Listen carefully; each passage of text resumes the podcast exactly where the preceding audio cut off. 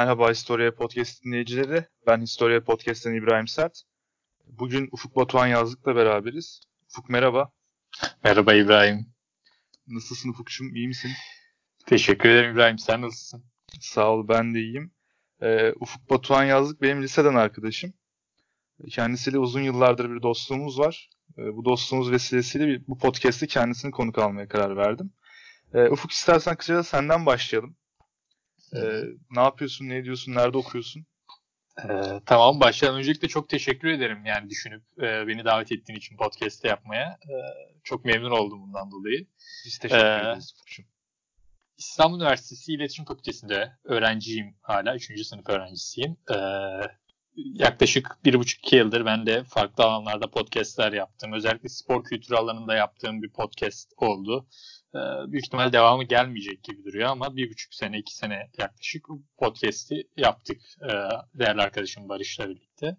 E, onun dışında e, işte iletişim bilimleri öğrencisi olduğumu söylemiştim. İletişim bilimleri de ilgilendim. yaklaşık yine bir iki yıl. Şimdilerde ise daha çok felsefe ilgi alanım açıkçası. Yaklaşık bir senedir falan felsefe okumaları yapıyorum çeşitli alanlarda. Şimdiden sonra da daha çok bu alanda okumalar yapıp yoğunlaşacağımı düşünüyorum. Ee, yani böyle şu an için. Evet, çok sağ ol Ufuk kendini tanıttığın için. Ee, senin Ufuk çok yönlü bir insan olduğunu biliyorum. Liseden bu yana işte spordur, fantastik edebiyattır e, ve felsefedir. Bunlarla ilgilenmeye devam ediyorsun. E, istersen biraz şeyden bahsedelim. Ya biliyorsun hani hepimiz malum sebeplerden dolayı evde kalmak zorundayız. E, insanlar farklı şekillerde e, vakitlerini geçiriyorlar evde. Kimisi yoga yapıyor, e, kimisi yemek pişiriyor, kimisi başka şeyler yapıyor. Ama senin kitap okuduğunu biliyorum.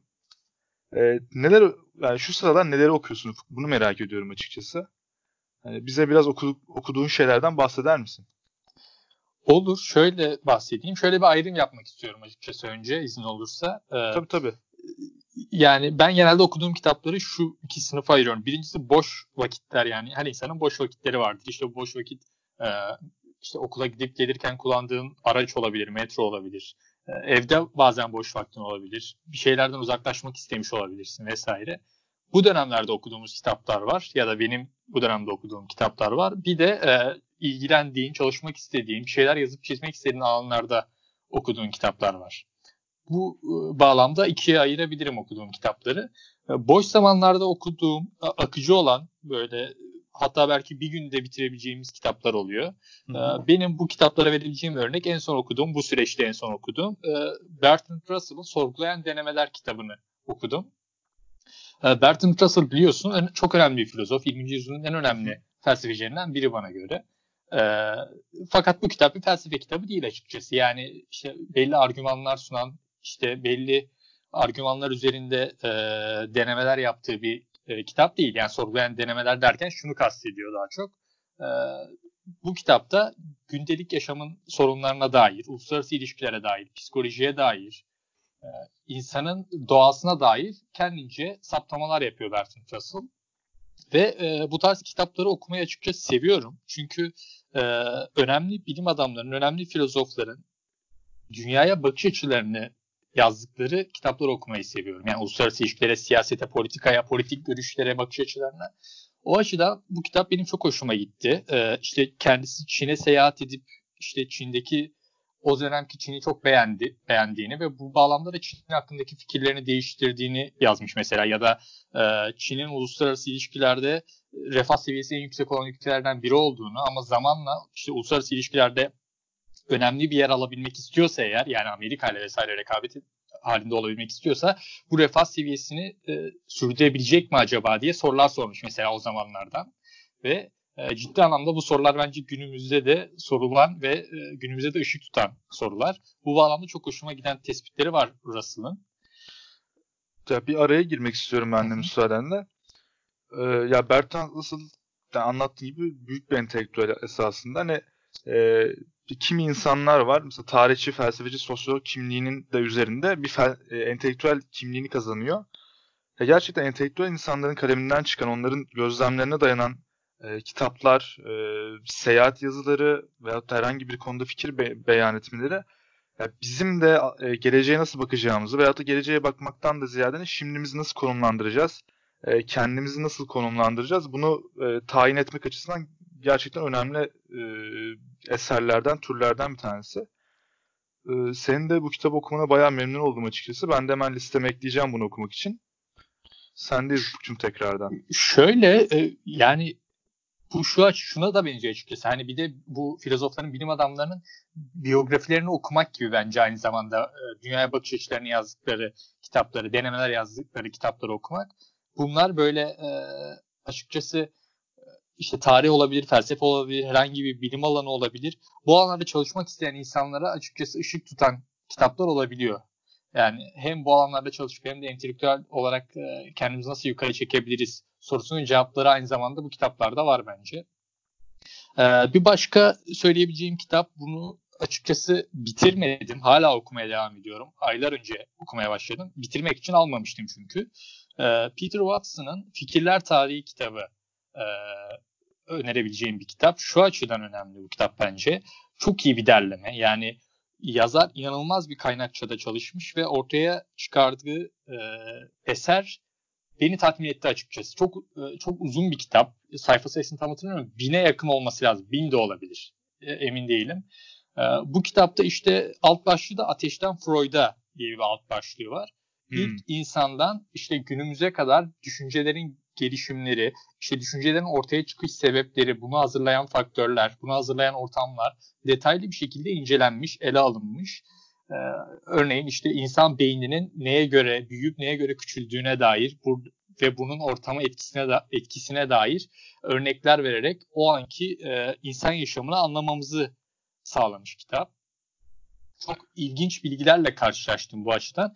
Peter Watson'ın fikirler tarihini öneririm. Ayrıca sana da şu açıdan da öneririm. Yani Peter Watson eski bir gazeteci diye geçiyor. Ben çok hakim değilim kim olduğunu ama hani gel programa gelmeden önce, podcast'e gelmeden önce bakmak istedim açıkçası birkaç bir şey söyleyebilmek için.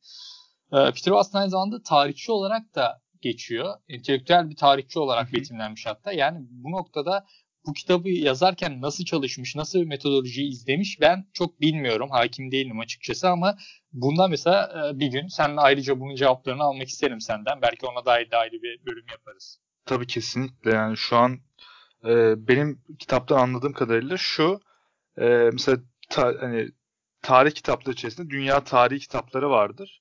Mesela bunların en meşhuru işte William McNeil'in kitabıdır. E, dünya tarihi kitabı. E, aslında senin söylediğin kitap da fikirler tarihi kitabı. Yani dünyanın yani bilinen ilk tarihinden bu yana var olan fikirler. Hani ateşten Freud'a kadar olan fikirler belki. Ee, yani bir tarafta siyasi anlamda dünya tarihini inceleyenler var. Bir tarafta da fikri anlamda, entelektüel anlamda dünya tarihini inceleyenler var. Yani ikisi de aslında yani e, bir terazinin eşit kefelerindeler. Hani birine baktığında ötekine, ötekine baktığında diğerini anlayamıyorsun. Yani bu bakımdan kesinlikle önem verilmesi gereken bir kitap. Ve zaten Türkiye'de son hani 10 yıldır özellikle de 15 yıldır e, bir şey var. E, fikir tarihi ön plana çıkmaya başladı. Artık yalnızca siyasi tarih değil, hani yaşanan büyük savaşlar veya da büyük insanların tarihi değil. Yani bürokratların yazdığı eserler, okuduğu eserler özellikle. Mesela bunların üzerinden bir biyografi yazımı veya da yeni bir dünya tarihi yazımı kendini göstermeye başladı. Bu sebeple hani tavsiye ettiğim Peter Watson'ın kitabı da yine kendisine benim listemde yer buldu. Teşekkür ediyorum. Buna ayrıca şey diyebilir miyiz sence? Yani alternatif tarih yazımı diyebilir miyiz? Düşünceler tarihini yazmaya ya da fikirler tarihini. Ya kesinlikle. Ee, Abdülhamit Kırmızı'nın e, hocanın bir yazısı vardı. Akademiyada da paylaşmıştı yanılmıyorsam. Yani artık tarihi insanlı yazan bir e, dönemden bahsediyoruz. Yani özellikle işte İkinci Dünya Savaşı'ndan sonra tarihin öznesi iyice demokratikleşmeye başladı. Yani tarihin öznesi olan insan demokratikleşmeye başladı. Bu da esasında bize şey getirdi. İşte siyahilerin tarihi, kölelerin tarihi, hani çok uç noktalarda fahişelerin tarihi mesela. Hani daha azınlık, sesini çıkartamayan insanların tarihi e, daha birey bazlı bir tarihçilik getirmeye başladı. Hani bu da tabii en nihayetinde şey getirdi hani e, tamam hani Osmanlı İmparatorluğu vardı. Çok büyük bir imparatorluktu. Ama Osmanlı İmparatorluğu'nun içerisinde var olan insanlar veyahut da hani bu imparatorluğu yöneten kademeler ne yapıyorlardı? Ne okuyorlardı? Nasıl yaşıyorlardı? Nasıl konuşuyorlardı? İşte bunların hepsi aslında dünyadaki tarihçilik anlayışının değişmesiyle ilgili durumlar. Ee, yani Avrupa'da, Amerika'da belki bu çok daha önce oldu.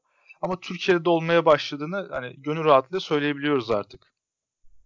Bu açıdan da o zaman e, bir alternatif tarih yazımına örnek bir kitap diyebiliriz. Tabii kesinlikle.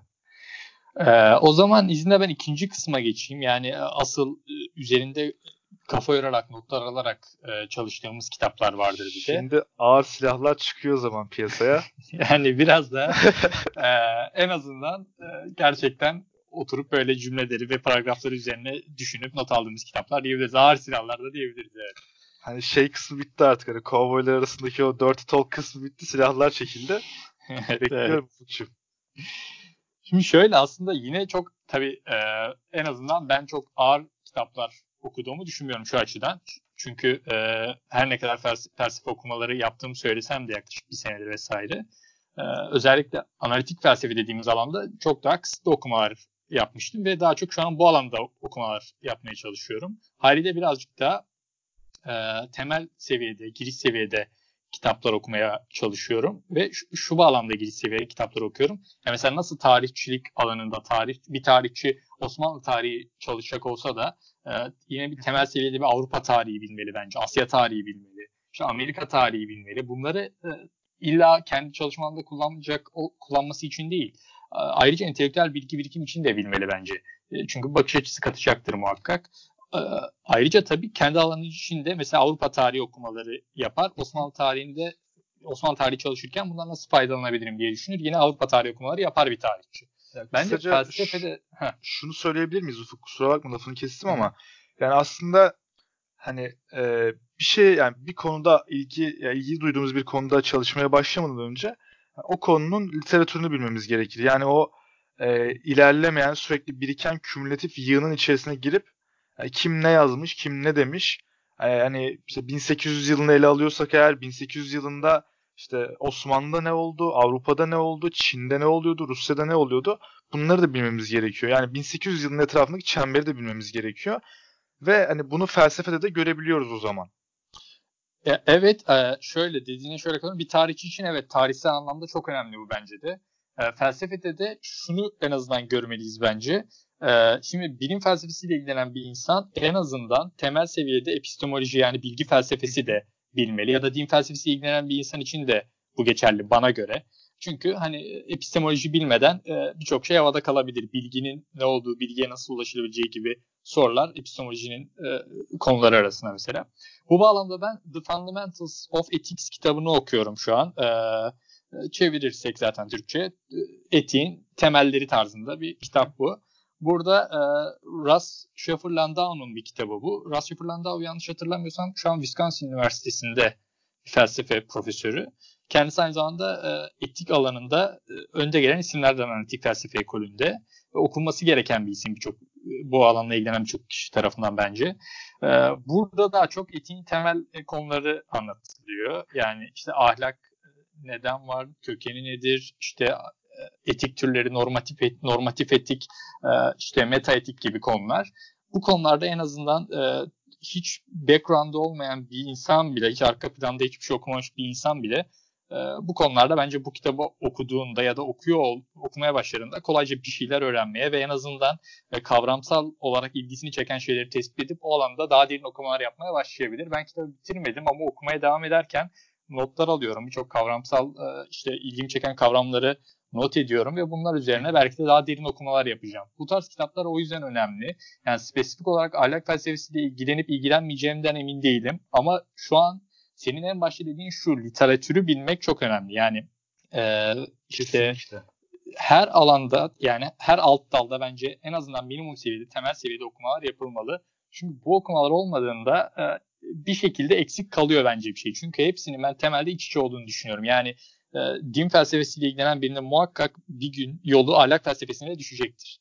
E, çünkü din ve ahlak ilişkisi üzerine çalışmaya başlayacaktır belki de. Haliyle bu tarz okumaların önemli olduğunu düşünüyorum. Ben de bu tarz okumalar yapıyorum şu sıra. E, belki de senin dediğin nokta da önemli burada. Neyle ilgileneceğini de bilmeden Kesinlikle. önce bir bakman lazım yani ne üzerine çalışmak istiyorsun. Çünkü entelektüel konularda bence e, birinci gereklilik gerçekten tutku. Yani tutku ve ilgiyle bir şeyle ilgilenmek çok önemli. E, hele ki işte tarih, felsefe gibi, sosyoloji gibi alanlar bu alanlar gerçekten e, özellikle hani iş işsizlik konusunu da biliyorsun yani bu alanlarla ilgilenen bir insan bu alanlarla ilgilenen bir insan hani şey olamaz böyle hani e, maaşı için falan seçemez bu alanları. Tabii tabii zaten e, ben en son şeye gitmiştim bir kargo firmasına gitmiştim paket almak için. E, okuduğum bölümü görünce e, görevli hani o da benim de aynı bölümden mezun. Tarih bölümünden mezunmuş. Bana şey dedi yani, sen de işsizlik deposunda okuyorsun maşallah dedi. Yani, haklı. hani şimdi sosyal bilimler okuyan birinin şey e, düşüncesi ol, olmamalı zaten hani. Şimdi mezun olacağım, şu kadar para kıracağım, şuradan köşeyi döneceğim. Hadi ilimden köşeyi dönen daha görünmemiştir muhtemelen. evet. Haliyle burada o tutku dediğimiz şeyi yakalamak çok önemli. Yani o tutkuyu yakalamadıktan sonra ne okumalar ilgini çeker ne hayata dair bence umutların bile sönebilir eğer sosyal bilimler ya da temel bilimler okuyorsan ve tutkun da yoksa e ne yapacaksın? Yani, zaten şey mesela e, hani atıyorum işletme okuyan birinin neyse bölüm adı vermiyor mesela normal birinin mesela hani felsefeye çok ağam şahım bir ilgisi yoksa hani gidip de mesela şey okumaz. Atıyorum işte The, e, The Fundamentals of Ethic'i Ethic'i okumaz herhalde. Veyahut da hani gelip burada e, mesela Marshall Hudson okumaz yani tarih alanında. Ya dediğin gibi hani o yüzden bir ilgi, tutku hani e, de ben açıkçası şey yapıyorum. Mesela bir şey araştırdığım vakit hani kendimi rahat hissediyorum hani iyi hissediyorum. Veyahut mesela çok uzun zamandır aradığım e, tarihle ilgili bir kitabın PDF'ini bulduğum zaman da aynı şeyi hissediyorum. Yani mutluluk geliyor. E çünkü bu neden? Benim ilgilerim dahilinde olduğu için. O özellikle şöyle bir ekleme yapayım o PDF taramalarında özellikle böyle kaliteli yabancı yayın evlerinin falan PDF'lerini bulduğunda işte Oxford vesaire çok ben çok mutlu oluyorum yani açıkçası onu ya, indirirken falan. O zaman bir şey yapalım isterseniz. Bir birkaç dakikalık da ara verip e, bu olayı bir konuşalım. E, şimdi The Fundamentals of Ethic'i okuyorum dedin. E, bunu muhtemelen PDF'ini okuyorsun öyle tahmin ediyorum. Evet PDF'ini okuyorum.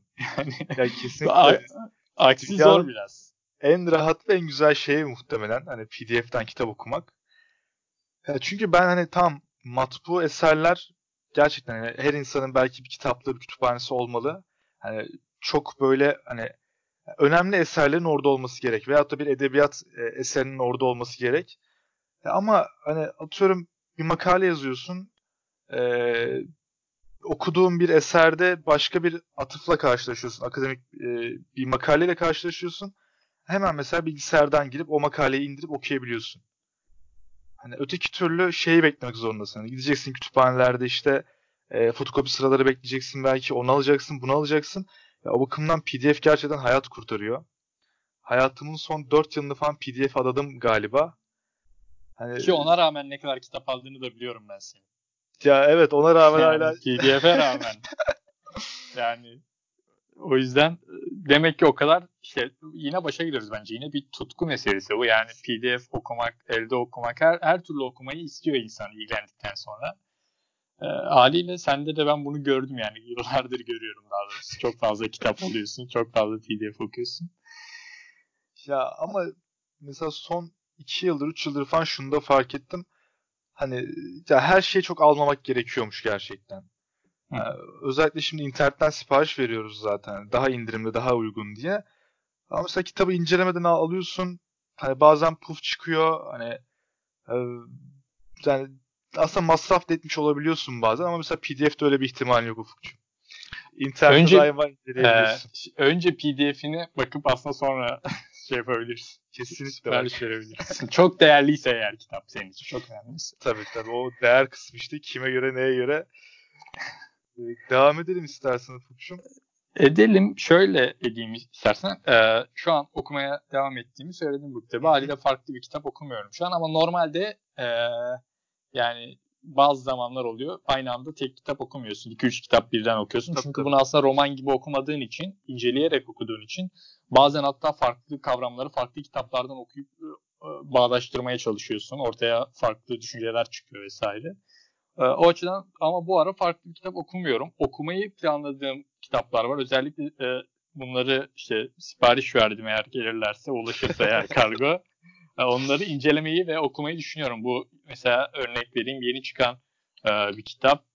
E, Enis Doko'nun Metafiziğin Temelleri Analitik Metafiziğe Giriş kitabı yeni çıktı eğer adını yanlış hatırlamıyorsam. Enis Doko İbn Haldun Üniversitesi'nde e, felsefe alanında bir akademisyen. Aynı zamanda fizikte e, çift ana var sanırım. Yani e, iyi bir felsefeci bence. Türkiye'deki önemli felsefecilerden biri.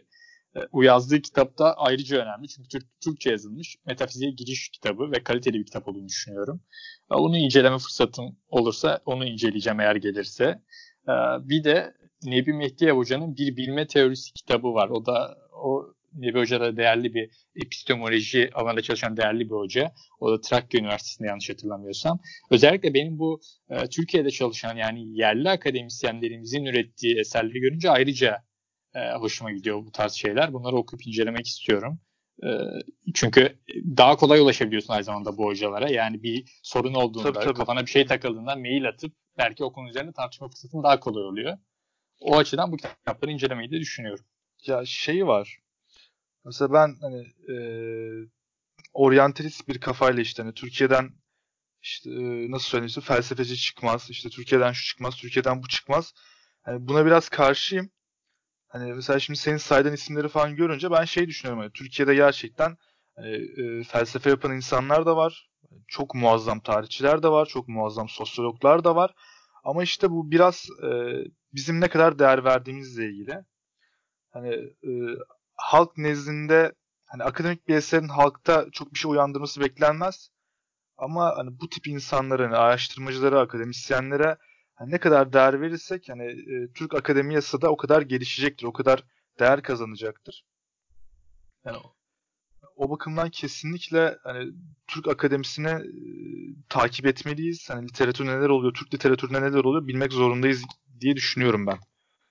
Ee, bir de şöyle bir ekleme de yapayım. Yani bu biraz şeyle alakalı. Yani işte tarihçi yok, felsefeci yok vesaire gibi eleştiriler şu anlamda yani şu açıdan doğru olabilir. İşte sen diyorsan ki bize Bertrand Russell gibi bir felsefeci yok. Yani zaten Batı'da da Bertrand Russell gibi felsefeci çok yok.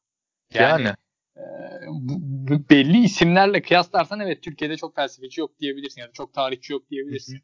Ama bu isimlerin ne ürettiklerine, neyle kıyasladığına dikkat edersen yani üreten çok isim var bence Türkiye'de. Sadece biraz da popülist olmadıkları için kaybediyorlar. Yani çok fazla programlarda belki çıkmıyorlar. Çok fazla belki iyi espriler yapamıyorlar. Çok sosyal medya kullanamıyorlar vesaire vesaire yani. Birçok sebep sayabiliriz bence buna. Ya, Bunları kesinlikle. yapamayınca iyi sayılmıyorsun. Ya, aynen. Mesela Türkiye'de iyinin karşılığı artık sosyal medyada popüler olmaya doğru geldi. Ya bu hani birçok başarılı insan için bir dezavantaj. Çünkü şey var. Yani başarılı bir insanın hani nelere ne kadar vakit ayıracağı değişebiliyor. Mesela ben hani çok başarılı olduğunu düşündüğüm, örnek aldığım hocalarımın hani sosyal medya hesaplarında çok pasif olduklarını görebiliyorum. Veyahut da hani, hani sosyal medyayı sadece hani gireyim bir şeyleri beğen, beğen, hani beğeneyim diye veyahut da kendi eşime dostuma tweet atayım diye kullandığını da görebiliyorum. Ve hani ama üretimine bakıyorum hocanın. Hani hocanın mesela Biril'den falan kitabı çıkıyor. Hani bir yerde mesela hani e, çok ünlü bir çok hani akademik ortamlarda ne en çok atıf alan dergilerde makaleleri yayınlanıyor. Hani bir yerden bir seminer, bir konferans şeyi alıyor, daveti alıyor ve hani, hani çok nasıl söyleyeyim prestijli bir ortamdan gelmiş oluyor bu davet. Hani diyorsun ki yani bu adam hani daha ne olsun hani. Yani örnek alman gereken bir adam, okuman gereken bir adam, takip etmen gereken bir adam. Ama tabii öteki tarafta şey de var. Hani sosyal medyada tanınmadığı için hoca hani e, en uzmanı olduğu alanda dahi ona değil başkasına soru sorulduğunu görüyorsun. Ya bu da işte Türkiye'nin biraz e, vasat severliğini gösteriyor. Hani hak eden hak ettiği değeri vermeyişini gösteriyor. Sanki bunun bence yani dediklerine katılıyorum kesin haklısın bu konuda bence de ama bunun bence hocalar açısından da ortasında olmak lazım. Yani hocaların da eğer durum buysa yani çağ buysa sosyal medya konusunda da birazcık ilgili davranmaları gerekiyor sanki artık. Ya olabilir evet hani sosyal medyada ilgili davranmak e, gerekiyor olabilirler ama bu şey de var. Yani şimdi en nihayetinde tamam hani biz mesela bu çağın içerisinde doğduk. Hani yaşımız itibariyle yani mesela ilk mesela ilk Facebook hesabını sen kaç yaşında açtın Ufuk? Valla 10 11 falandır. Ya kesinlikle mesela çok erken bir yaş. Erken yani, evet. Çok erken. Ama mesela e, bizim hocalar ilk defa muhtemelen e, Facebook şu an atıyorum 35-40 yaşındaki bir hoca ilk defa Facebook açtığı zaman yani ya üniversite son sınıftaydı ya da yüksek lisansını yazıyor ol, olmuştu yani ya da yazıyor durumundaydı. Ya işte öyle bir fark da var. Hani yani belki de onların başarısının sebebi bu da olabilir. Yani çünkü sosyal medyada vakit harcamıyorlar. Hani... Bu da bir bakış açısı var. Doğru. Bu, bu da farklı bir bakış açısı. Evet öyle de olabilir. O zaman şöyle diyeyim. Şu andan itibaren diyeyim en azından. Yani bizim de içinde dahil olduğumuz grubun bunun farkında olup buna göre hareket etmesi sanki akademik kariyer açısından da daha hayırlı olur. Kesinlikle. Mesela buna geliyor. katılıyorum. Yani çünkü ben şey yapıyorum açıkçası. Kitap okuyorum mesela. Kitaba ara verdiğim vakit sosyal medyaya giriyorum. Hani hı hı. bu mesela 3 dakika sürüyor, 5 dakika sürüyor ama mesela benim için bu bir alışkanlık olmuş. Ara veriyorum bir şeye. 2-3 dakika ne olmuş ne bitmiş ona bakıyorum. Ve hani bu belki de benim hani okuyacağım kitaptan e, mesela odaklanma süremi kısıyor olabilir. Hani e, bir şeye fokuslanmamı etkiliyor, engelliyor da olabilir. Yani bilmiyorum mesela bunun hakkında şeyde okumak lazım. Hani akademik bir araştırma var mı acaba? Yani bir istatistiği var mı bunun? Hı-hı. Bir süre sınırı var mı? Mesela buna da bakmak lazım. Ama ben biraz hani hocamız dediğimiz insanların başarısını sosyal medyayla çok aralarının olmayışına da bağlıyorum. Ama tabii hani bizim için bu tam tersi. Ee, biz böyle bir çağ doğduk. Bundan bir kaçış var mı? Bence bundan da bir kaçış yok.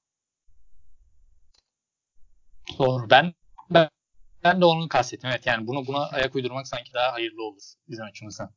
Kesinlikle. Ee, o zaman şu, şöyle devam edeyim izle. Yani bu, şu an söyleyebileceğim kitaplar hakkında bu kadar ama ayrıca hani felsefeden Türkiye'de işte felsefeden, tarihten, akademiden vesaire bahsetmişken benim özellikle Türkiye'de e, özellikle analitik felsefenin tanınması ve gelişmesinde çok büyük katkısı olduğunu düşünüyorum. Mesela Öncül Analitik Felsefe dergisi var duymuşsundur belki. Evet, evet. Ee, Öncül Analitik Felsefe işte Bilkent'ten e, olsun e, işte Hacettepe'den vesaire yanlış hatırlamıyorsam buradaki öğren- felsefe öğrencilerinden ya da felsefeyle ilgilenen insanlardan ya da e, işte İngilizce çeviri yapan insanların oluşturduğu bir ekip ve bunlar çok iyi içerik üretiyorlar. İşte felsefe çevirileri, kendi yaz, yazdıkları vesaire. Mesela ben buradan açıkçası teşekkür ediyorum kendi açımdan. Çünkü benim de birçok açıdan hem yeni e, yazılar okumama hem yeni e, yazarlar tanımama, yeni felsefeciler tanımama vesile oldular. Bu açıdan Öncül Analitik Felsefe Dergisi gibi oluşumların e, işte desteklenmesi gerektiğini düşünüyorum. E, bunun da Türkiye'de işte felsefenin gelişiminde çok önemli e, bir nokta olduğunu, ileride belki çok daha iyi hatırlanacağını düşünüyorum bu oluşum. Ee, yanılmıyorsam yani senden duyduğum kadarıyla e, şey yüksek lisansa doktor öğrencileri daha ağırlıklı e, bu dergide sanırım. E, doğru mudur Ufuk? Böyle mi böyle bir ortamın var? Yoksa ben mi yanlış biliyorum? Şöyle yani yanlış hatırlıyor da olabilirsin emin değilim. Ben de öyle söylemiş olurum ama daha çok e, işte lisans öğrencisi de var. Hatta daha çok lisans öğrencisi var. Senin dediğin gibi yüksek lisans doktor öğrencileri de var. Hatta e, bölüm olarak felsefeyle ilgisi olmayıp ya da yüksek lisanslara da felsefeyle bir alakası olmayıp ama felsefe çevirileri yapan insanlar var. E. Ayrıca yani illa akademik olarak ilgin olması gerekmiyor tabii bir alanda çalışma yapmak için. O açıdan e, ekip bence hem e, öğrencilerin oluşturduğu bir ekip olması açısından önemli hem de e, bir farkındalık kazandırması açısından önemli. Ya kesinlikle. Ya öğrenci faaliyetleri bir öğrencinin kalitesinde belirleyen şeylerden. Yani mesela e, kulüp faaliyetleri, bu tip dergilerde vazife almak, hani bu tip dergilerde yazı yazmak, paylaşmak, hani yazı yazmayı da geçtim. Hani e, en ufak ucundan tutmak dahi aslında bir öğrenci ne kadar sorumluluk sahibi olduğunu ve gelecekte neler yapabileceğinin az buçuk bir fragmanı gibi düşünüyorum. Ee, zaten senin de bir kulübün vardı Ufuk yanılmıyorsam. Hı hı. Ee, bölümünde faaliyetler yürüttün. Ve bu da aslında evet. mesela senin için hani geleceğe dair bir fragman. Hani ufak bir trailer. Yani ben şu an bunu yapıyorum. Gelecekte e, neler yapacağım izleyin beni demek gibi bir şey oluyor aslında. Yalnız bu, bu kayıtta benim çok üzerimde baskı oluşturuyorsun yani. Şunları yaptın yok biliyorum geçmişte işte çok yönlüsün falan bunlar baskı ben, oluşturuyor üzerimde. Ben, yani ben, ben de karşılığında bunun gibi benzer noktalarda seni de çok överim burada ama o zaman övgüye döner bak kayıt. Yani o yüzden baskı oluşturuyor. Sör Ufuk Batu'ya yazdık. Ben sizin Cemazi ile evvelinizi biliyorum. Lütfen benimle bu konuda tartışmayız. yani çok bir şey sanacak dinleyenler o yüzden diyorum yani. Bu arada Cem Azül Evvel'in de hikayesini anlatayım. Hı hı. Ben de bir hocamdan duymuştum. Ee, eskiden e, böyle memuriyette çalışanlar e, çalışanlar için mesela şey geliyor. Posta geliyor. Bu postalar torbada geliyor. Torbaların üzerinde de aylar yazıyor. İşte Cemazül Evvel, Cemazül Ahir, işte Rebül Evvel, Rebül Ahir vesaire. Ee, şey oluyor. Mesela bu torbalar boşalınca birisi bunu alıyor götürüyor evine. Kendisi de don biçtiriyor. Eğilip kalkarken de şey oluyor. İşte Cevazül evvel yazıyor mesela. Bir gün bir memur eğiliyor. Eğilince donu görünüyor. Arkasındaki arkadaş da şey diyor. Ben senin Cevazül evvelini bilirim diyor. Ya aslında ben senin kirli çamaşırlarını bilirim demek. Bak ben doğrudur. Osmanlı kirli, versiyonunu kirli, anlatıyorum. kirli çamaşırlarını biliyor olabilirsin. Doğru. ee, hazır kitaptan devam ediyorken ben de e, şu sıralar okuduğum kitaptan bahsetmek istiyorum Hı-hı. sana. Ee, ya ben aslında bir şeyden çıktım. Bir biyografi yazım maratonundan çıktım. ikinci Beyazıt'la ilgili. Ee, o bitince tabii bir boşluğa düştüm. Ee, uzun zamandır okumak istediğim bir kitap vardı elimin altında. Ee, Ahmet Demirhan'ın yazdığı Kuruluş Sar- Sarmalından Kurtulmak isimli bir kitap. Ee, Ahmet Demirhan şu an Konya Selçuk Üniversitesi'nde sosyoloji departmanında. Zaten Boğaziçi sosyoloji mezunu. Ee, kitapta aslında ilk ilgimi çeken şeylerden bir tanesi de bu oldu. Bir sosyolog Osmanlı'nın kuruluş tartışmalarına eğiliyor. Onlara bir sosyolog gözünden bakıyor. Ya Osmanlı kuruluş tartışmaları bayağı bir geniş ve büyük bir tartışma. Hani burada anlatmaya kalksak 3. 4. bölümleri çıkartırız. Ee, o yüzden kısaca bahsedeyim. Yani e, çok büyük bir literatürü var Osmanlı kuruluş anlatılarının. E, işte yerli ve yabancı olmak üzere. Ahmet Demirhan farklı başlıklar altında kuruluş sarmalı e, diyerek e, bu kuruluş tartışmalarını inceliyor. Tek tek isim vererek işte e, Paul Wittek'inden tutuyor Gibbons'ına kadar, oradan Fuat Köprülü'ye kadar, sonra Cemal Kafadar'a kadar e, birçok isim vererek e, Osmanlı'nın kuruluşuyla ilgili literatürde geçen tartışmalı konulara değiniyor. Bunları nasıl okumalıyız e, kendince onu anlatıyor. E, son işte iki gündür falan okuduğum bir kitap. Geceleri okuyorum özellikle. Ee, ve hani e, bu kitap üzerinden de tabii şey oluyor. Arada bir durmak zorunda kalıyorum. Tıpkı senin e, şu an okuduğun kitabı yaparken yaptığın gibi. Yani mesela Gibbons'tan bahsediyor. Yani Gibbons'ın yani ister istemez e, mesela The Foundation of the Ottoman Empire'ına bakmak zorunda kalıyorum. Daha sonra mesela Col- e, Cornel Fleischer'dan bahsediyor. Oradan mesela e, bir e, bürokrat ve entelektüel olarak işte Mustafa Ali portresine bakmak zorunda kalıyorum. E, ve enteresan bir şey rastladım aslında. E, Colin Haywood'u hep duymuştum. Ama hiç okumak fırsatım olmamıştı. E, Colin Haywood 2012'de yanılmıyorsam e, Paul Wittek'in The Rise of the Ottoman Empire'ın e, editörlüğünü yaparak yeniden basmış ve bir giriş yazmış. E, girişte çok hani bilmiyorum bana uçuk geldi. Ahmet Demirhan da biraz uçuk olduğunu söylüyor. Da biraz değil, bayağı saçma olduğunu vesaire söylüyor. Ee, İstanbul'un fethiyle e, 11 Eylül 200 kuleler faciasını bir tutuyor. E, Konstantiniye çağının ikiz kuleleriyle diyor. Ve e, Osmanlı'nın kuruluşundaki bizim bildiğimiz ilk padişahı olduğunu düşündüğümüz Osmanlı e, Usama Bin Laden'i bir tutuyor. Yani Bayağı aslında, enteresan bir bakış açısı. Kısaca aslında şunu söylüyor. Osmanlılar çağlarının e, teröristleriydi. Yani buna getiriyor aslında. Hani e, şu sıralar mesela kitaba ara verdim ve bunu okumaya başladım. Bunun üstüne biraz gitmeye başladım. E, ben de bunu araya sıkıştırmış olayım. E, peki Ufukçum kitaplarla ilgili eklemek istediğin bir şey kaldı mı senin? Ya benim kalmadı ama senin söylediğin açıkçası enteresan geldi. Ben de yani onu ayrıca sen de kayıttan sonra konuşuruz. Kesinlikle konuşalım onu seninle. Ee, o zaman şey geçelim istersen. Ee, şimdi e, sen film ve dizi zevki olan bir insansın. Hani, Bak, yine e... neyse. tamam öyle zevkimiz evet var olsun. Ee, şu sıralar ne izliyorsun? Veyahut da ne izledin? Ee, Freud'u izledim. Açıkçası çok enteresan bir şey değil. Birçok kişi izlemiştir şu an. Aynen. Ben de izledim. Aynen. Ee,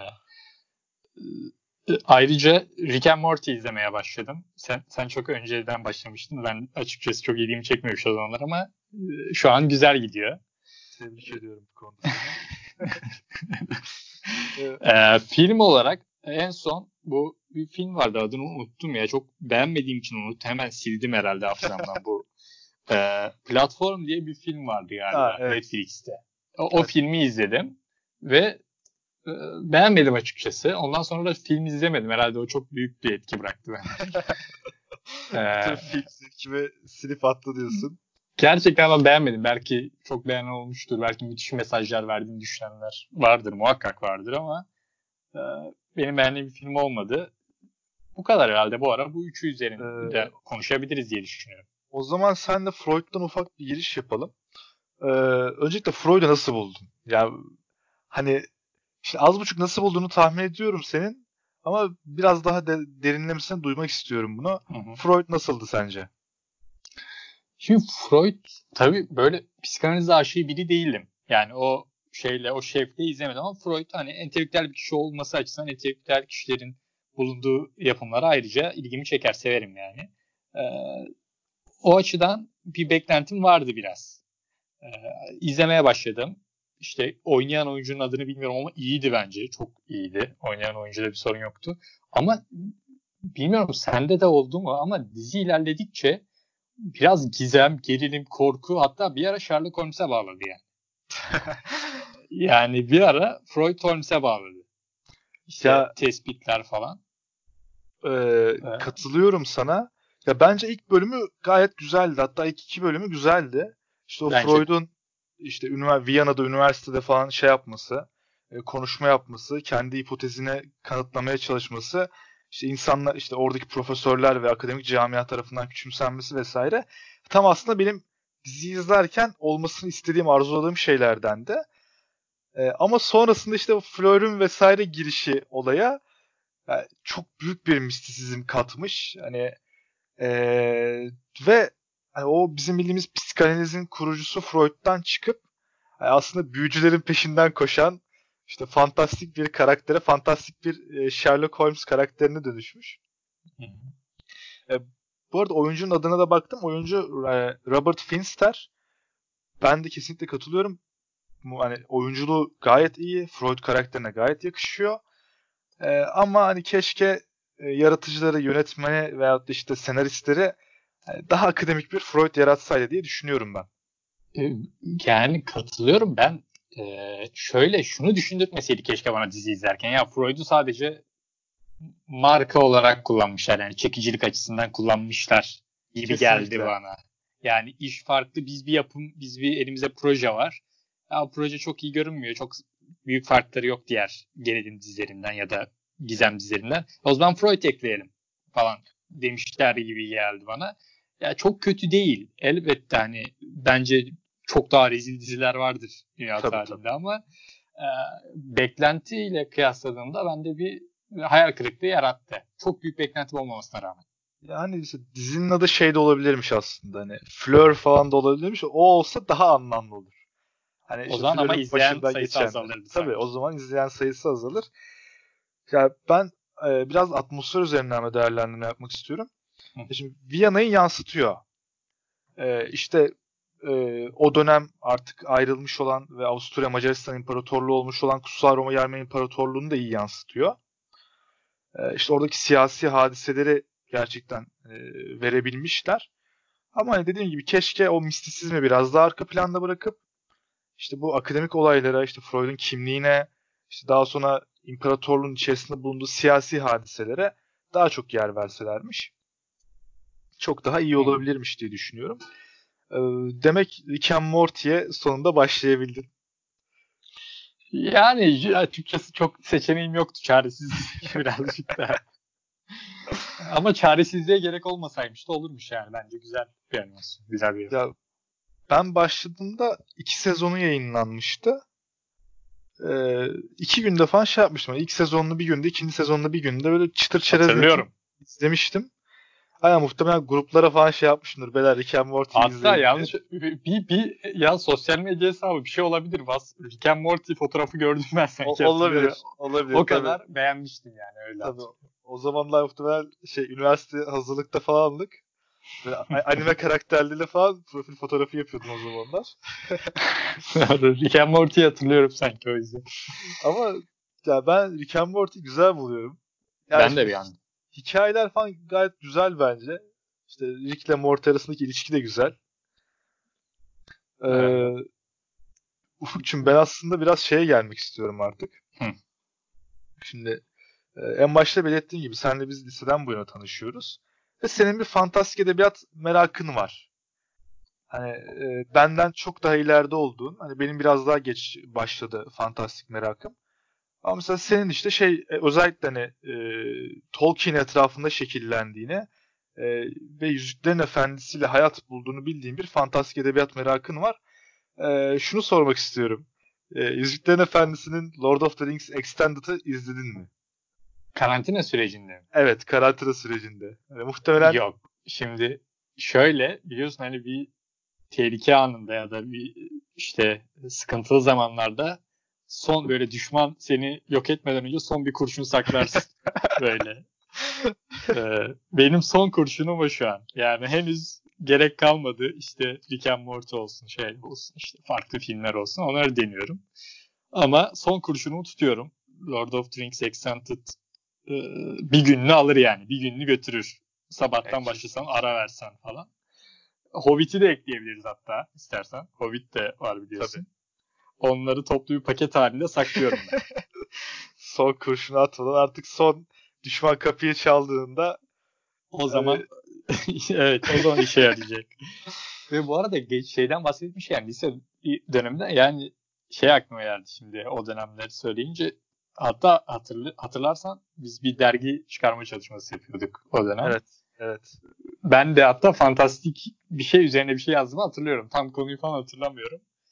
Ama e, şöyle bir fark var. Ben fantastik yazarken sen tarih falan yazmaya çalışıyordun yine. Yani yine sosyal bilimlere dair falan öyle bir fark da var. Yani sen çoktan önemli işlere girmiştin yani.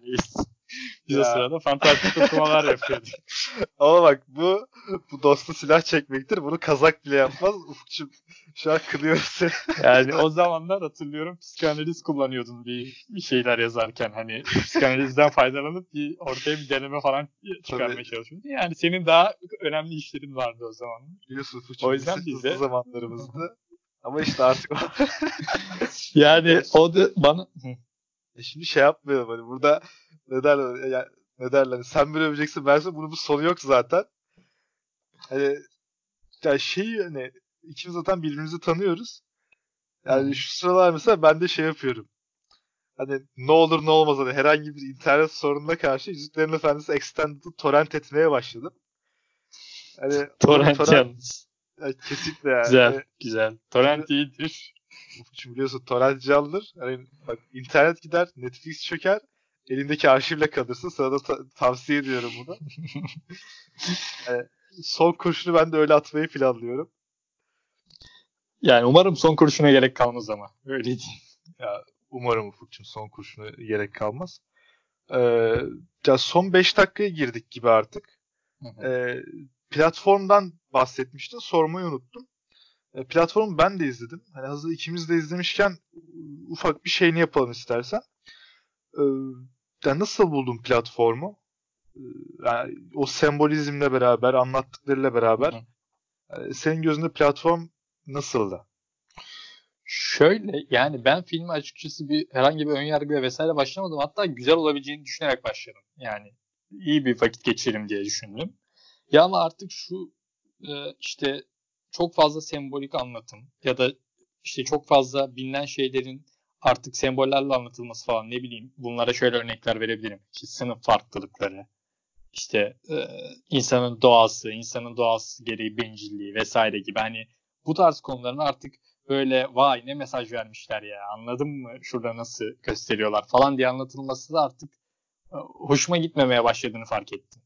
Yani e, filmi sadece o şekilde bir gerilim filmi yapsalar belki daha güzel olabilirmiş. Ama işte o katlar, işte verilen mesajlar, işte e, herkes yettiği kadar yese en aşağı gidecek falan gibi şeyler artık bilmiyorum beni çekmemeye başladı. O açıdan e, zevk almadım. Yani yoksa filmin kurgusuna işte e, mekana falan dair bir eleştiri değildi o. Tamamen vermek istediği mesajlar artık beni sıktı mı diyeyim. Yani çekmediği için hoşuma gitmedi. Sen nasıl gördün bilmiyorum. Ya ben de açıkçası senin gibi başladım izlemeye. Hani işte Netflix'in ekranında görünce bir inceledim, girdim, baktım. Ee, sonra işte anlattığı şey ilgimi çekti. Ee, filmi izlemeye başladım. Hani şey yani mekan aslında gayet güzel. İşte insanların işte sembolizasyonu da güzel. İşte her çeşitten insan var. Kimisi suçlu, kimisi suçsuz, kimisi kendi isteğiyle girmiş. İşte katlar var, insanların bulunduğu seviyeleri anlatıyor. Ee, ama hani bana da şey geldi açıkçası. Ya, tamam evet hani dünyayı sembolize etmişsiniz. İşte e, gıdanın veyahut da dünyadaki zenginliğin eşit dağılmadığını anlatmaya çalışmışsınız. Ama hani beni de sıkmaya başladı açıkçası işte şu işte en üstteki yüzde birlik kesim işte daha az yese, ihtiyacı herkes ihtiyacı kadar yese dünyada zaten herkes eşit Hı-hı. olacak gibi bir şey. Yani bu bana çok ütopik gelmeye başladı. Çok ütopik bir şey bana. Dünyadaki herkes ihtiyacı kadar karşılasa bütün dünyaya yetecek kadar şey var. Yani bu çok şey. Yani bir bence insanları bir taraftan sınırlayan bir nokta. Hani iki yani her toplumun veyahut da her insanın ahlakı böyle çalışmayabilir. Böyle olmak zorunda da değil. Evet. Yani o yüzden ben de özellikle işte o sonlarına doğru işte bizim mesajımız... Sonlarda ne olduğunu sen anladın mı? Ya yani sonda ben nasıl, nasıl başladığını da pardon sözünü kesiyorum ama şöyle bir ekleme yapayım daha rahat e, anlatabilirsin diye senden de cevap almak istiyorum. Yani filmin ben nasıl neden başladığını, o adamın neden orada olduğunu, adamın background'unun ne olduğunu bilmiyorum. O adamın en sonda işte neden işte o kadının mesela çocuğunu arama falan diye çıkıp sonra neden katlarda birilerine saldırdığını ya da ona saldırıldığını bilmiyorum. Ya da e, işte o kadının en azından o adamla ilişkisi neden oldu yani sebebi ne? Bir şeyleri gösteriyorsan hani bunları bağlamak durumunda değil misin? Ya kesinlikle öyle. Ben ben de senin gibi hani adam niye oraya girdi? Background'u neydi? Ee, hani o yaşlı adam onu niye öldürmeye çalıştı? Hani tamam hani bunlar belli şeyler. Hani az buçuk çıkartabiliyorsun ama hani yine de mesela e, atıyorum en sonu. Yani en sonunda mesela ne oluyor? Hani tamam işte bir kase yaptınız. E, bizim mesajımız diyerek tatlıyı yukarıya gönderdiniz. Sonra aslında işte bizim mesajımız bu çocuk dediniz. Çocuğu yukarıya gönderdiniz. Ama hani ne oluyor yani? Hani adam mesela niye orada karanlığın içerisinde kaldı? Ya? Kendini mi feda etti orada? Ya da hani adam kendisiyle mi yüzleşiyor? Yani benim de aslında anlayamadığım çok şey var senaryoda. Bayağı kopukluk var. Yani tek anladığım şey işte sınıflı bir toplum var hala. Ee, herkese eşit dağılmıyor. Dünyada Artı değer dengesiz Aynen. dağılıyor falan filan. Kesinlikle. Ama e, yani şu var. Şunun için yaptılarsa cidden çok kötü. Yani sırf bir gizem oluşturmak için yani insanlar şunu düşünsün diye öyle bitirirlerse ya wow şu mesaja bak. E, e, aynen. Falan.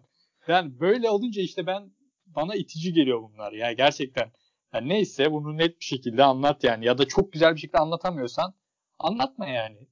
Ee, bence burada çok fazla işte e, ucu açık soru bırakmak. Bak ucu açık şeyler bırakırsın filmlerde muhakkak. Yani bir film eleştirmeni de hani ustası değilim bunları söylerken ama e, en azından ucu açık noktalar bırakabileceğini biliyorum filmlerde. Ama bu kadar da olmaz bence. Ya kesinlikle öyle hani. Çünkü her şeyi seyirciye bırakmak hani seyircide şey uyandırıyor. O zaman hani ben ne olduğunu bilmediğim bir şey niye geldim ki? Ee, bir film izlemiştim. Ee, 2017-2018 civarında galiba. Ya, tam hatırlamıyorum adını. The Residence de olabilir, The Building de olabilir. Yani şeydi aslında bunun gibi bir filmde. Ee, bir rezidans var. Rezidansın katları var. İşte en üstte mimar yaşıyor. Onun altında işte e, burjuvazi var. İşte onun altında orta sınıf var. En altta da işte alt sınıf daha fakir olan, fakirlik seviyesinin altında yaşayan insanlar var. E, orada da aslında aynı anlatı vardı. Ama orada mesela yani bir olayın çerçevesinde bunu anlatıyorlardı. Arka planda kalıyordu daha çok. Ya onu beğenmiştim mesela. Ama işte burada olay doğrudan bu.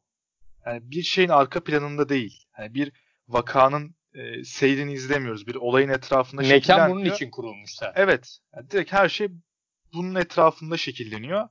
O bakımdan ben de çok beğenmedim. Yani bir de şuna, şununla da uğraşmamıza sebep oluyor bu bu arada. Yani böyle çok fazla e, mistik çok fazla e, gizemli bıraktığında belli noktaları bu sefer şey izleyici bir şeyleri anladığını düşünüyor ve anlamayanlar aptal gibi oluyor. Anlayanlar da çok üst böyle mesajları tespit etmiş. İşte evet. Sah- sahneyi durdurmuş orada kenarda bir işte ne bileyim suç var suç şunu temsil ediyor falan gibi noktalara geliyor iş. Şey Haliyle bence bu, buna çok müsaade etmemek lazım. Yani mission completed. Yani gizem çözüldü. Dünya evet. kurtarıldı. İşte Twitter'da işte Flut yapıyor. Diyor ki işte, işte neler anladım, gerçekten neler anlatıldı. İşte bir de benden okuyun vesaire gibi şeyler oluyor. Ha, Bence evet. bu kadar kapalı kalmaması evet. gerek yani. Kesinlikle. Ya biraz da belki onun, onun içinde kapalı bırakıyor olabilirler biliyor musun? Evet o, onu dediğim işte. Bunu bilerek yaptılarsa işte ne diyeyim yani. Hoşuma gitmiyor benim böyle. Çünkü hani muazzam bir pazarlama stratejisi. Hani çok hani 1 milyon dolara bir şey çek hatta 1 milyon dolara bile değil belki 500 bin dolara bir şey çekiyorsun. Yani sosyal medyada harcadığın 500 bin dolardan çok daha fazlasını sana zaten PR olarak geri çeviriyor bu. Ee, diyelim ve kapatalım mı Ufukçum artık? E, eklemek istediğin bir şey var mı son olarak? Yok çok teşekkür ederim. Çok keyif aldım benim için. Çok keyifli bir e, bölüm oldu. Ee, ben teşekkür ediyorum Ufuk. Ee, sevgili Historia Podcast dinleyicileri, bugün Ufuk Batuhan Yazlık'la beraberdik. Ee, kitaplardan, filmlerden ve bolca felsefeden bahsettik. Kendisine geldiği için teşekkür ediyoruz. Bizi dinlediğiniz için size de teşekkür ederiz. Sağlıcakla kalın. İyi günler. Sağlıcakla kalın. İyi günler dileriz.